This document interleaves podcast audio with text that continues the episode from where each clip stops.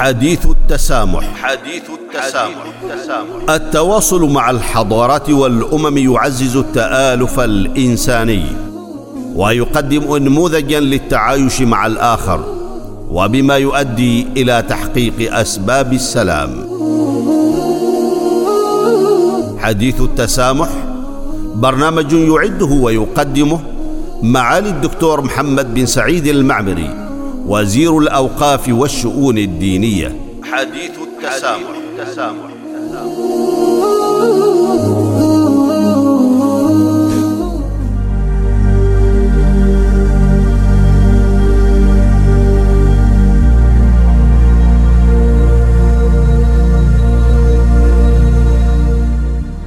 بسم الله الرحمن الرحيم. الحمد لله والصلاة والسلام على رسول الله وعلى آله وأصحابه أجمعين ومن تبعهم بإحسان إلى يوم الدين. أيها المستمعون والمستمعات الأعزاء السلام عليكم ورحمة الله تعالى وبركاته واهلا ومرحبا بكم في هذه الحلقة الجديدة من حلقات برنامجكم حديث التسامح. تتناول هذه الحلقة الأسرة ورعاية القيم. فاهلا وسهلا بكم جميعا.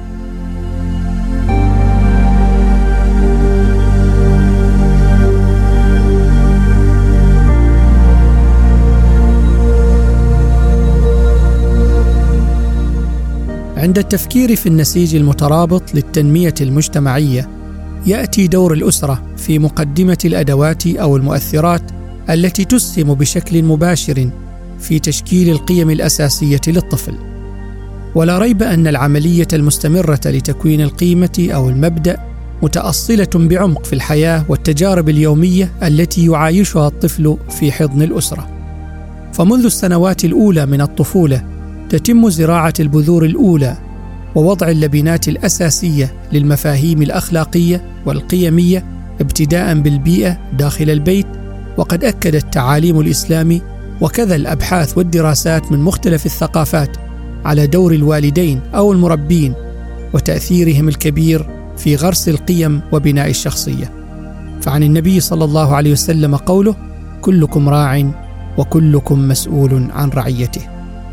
ومع تطور العالم وتسارعه يصبح فهم مختلف الديناميكيات والمؤثرات امرا بالغ الأهمية لبناء أجيال واعية ومدركة تتسم بتمسكها الأخلاقي والقيمي.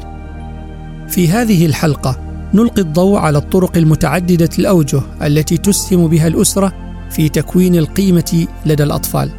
بدءا بالدور التأسيسي للوالدين والتفاعلات الأسرية إلى دور التربية الدينية في تنمية القيم والأخلاق.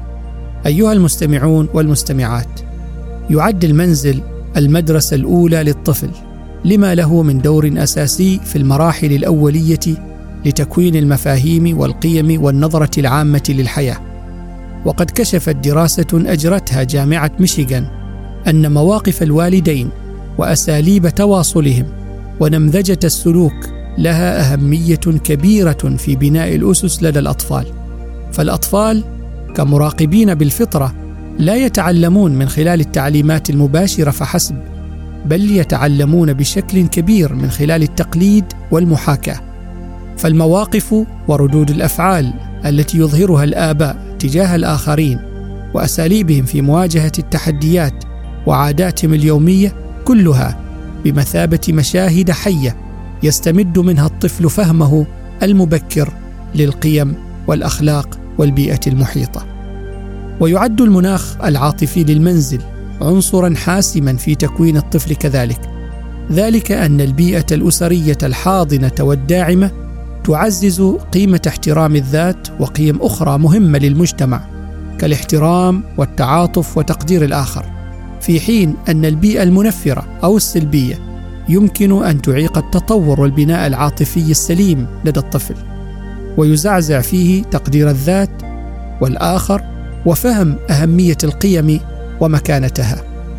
وأشارت عدة دراسات وأبحاث على تأثيرات التواصل اللفظي وغير اللفظي الإيجابي في تطوير الثقة وتعزيز الشعور بالأمان والثقة بالنفس والشعور بالأمان قيمتان ضروريتان تمهدان الطريق للطفل نحو استيعاب باقي المفاهيم المتعلقة بالأخلاق والقيم.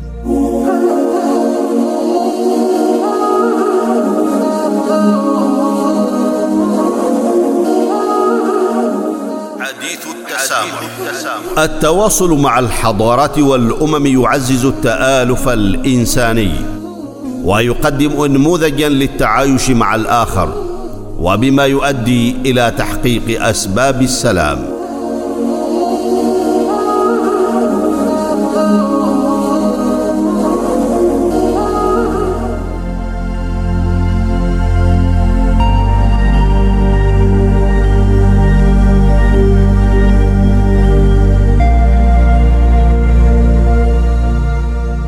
أيها المستمعون والمستمعات إن الحياة الأسرية وعاداتها اليومية وتفاعلاتها المختلفة أرض خصبة لنقل القيم.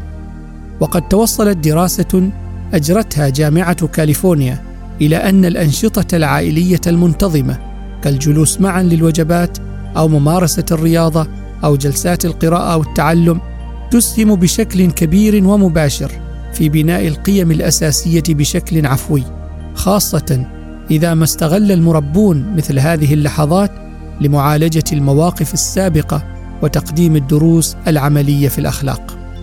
ومن جانب آخر فإن الطرق والأساليب التي تتبعها الأسرة في حل النزاعات والخلافات تؤدي دورا جوهريا في التكوين القيمي والأخلاقي للطفل. فبحسب الدراسات فإن مهارات إدارة الخلافات التي يظهرها الأفراد في التعاملات اليومية ومدى استعدادهم للتسوية والوصول إلى الحلول مرتبطة ارتباطا وثيقا بتجارب الطفولة وبشكل خاص تلكم التجارب التي عايشوها من خلال التحديات والمشكلات الأسرية التي قد تطرأ من وقت إلى آخر. وأشار تقرير صادر عن جمعية علم النفس الأمريكية إلى أن الأطفال الذين يعايشون الحلول البناءة للخلافات الأسرية هم أكثر قدرة لتطوير مهارات التأقلم والتواصل الفعالة. إضافة إلى ذلك فإن الطريقة التي يتفاعل بها الآباء والمربون مع بعضهم البعض ومع الأطفال تشكل اللبنات الأولى لتفاعلات الطفل الاجتماعية خارج الأسرة. أيها المستمعون والمستمعات في سياق العالم المعاصر بتحدياته وتعقيداته غير المسبوقة تحتاج الأسر إلى تبني استراتيجيات مدروسة لتنمية القيم والأخلاق لدى الطفل. وإن أحد الأساليب الفاعلة هو تفعيل دور الدين والحس الإيماني والروحي لدى النشء منذ نعومة أظفارهم حفظا لهم وصونا من الأفكار الدخيلة والتوجهات الشاذة عن الفطرة السوية. وللتربية الدينية دور مهم وجوهري في تشكيل الشخصية الأخلاقية والقيمية للطفل. ذلك أن الدين بتعاليمه يوفر اطارا قيميا يرشد الإنسان نحو التمييز بين الصواب والخطأ ويعزز من فهمه لمفاهيم الأخلاق كالعدل والصدق والأمانة. إن الاهتمام بتعليم الطفل مبادئ دينه وتقديمها له بأسلوب ملائم لعمره يعد ركيزة أساسية في بناء شخصيته وتنمية حس الطفل الأخلاقي والروحي.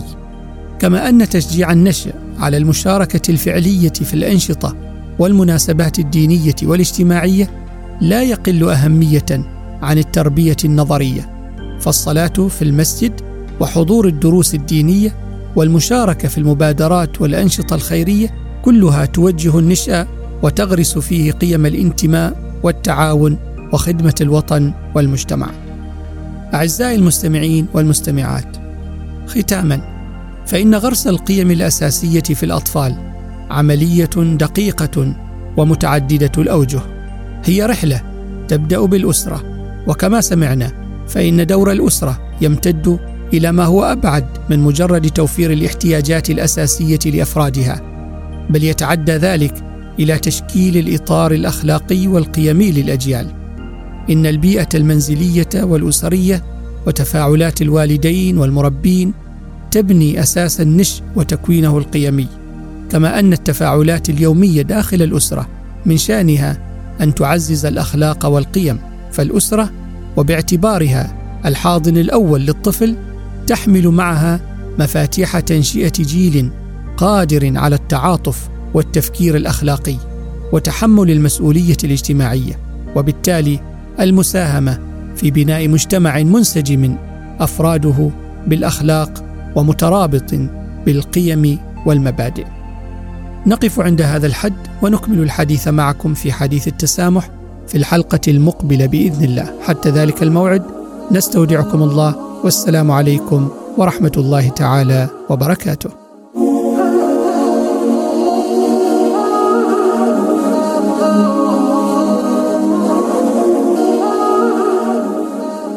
حديث التسامح. حديث التسامح. التواصل مع الحضارات والأمم يعزز التآلف الإنساني ويقدم انموذجا للتعايش مع الآخر وبما يؤدي إلى تحقيق أسباب السلام.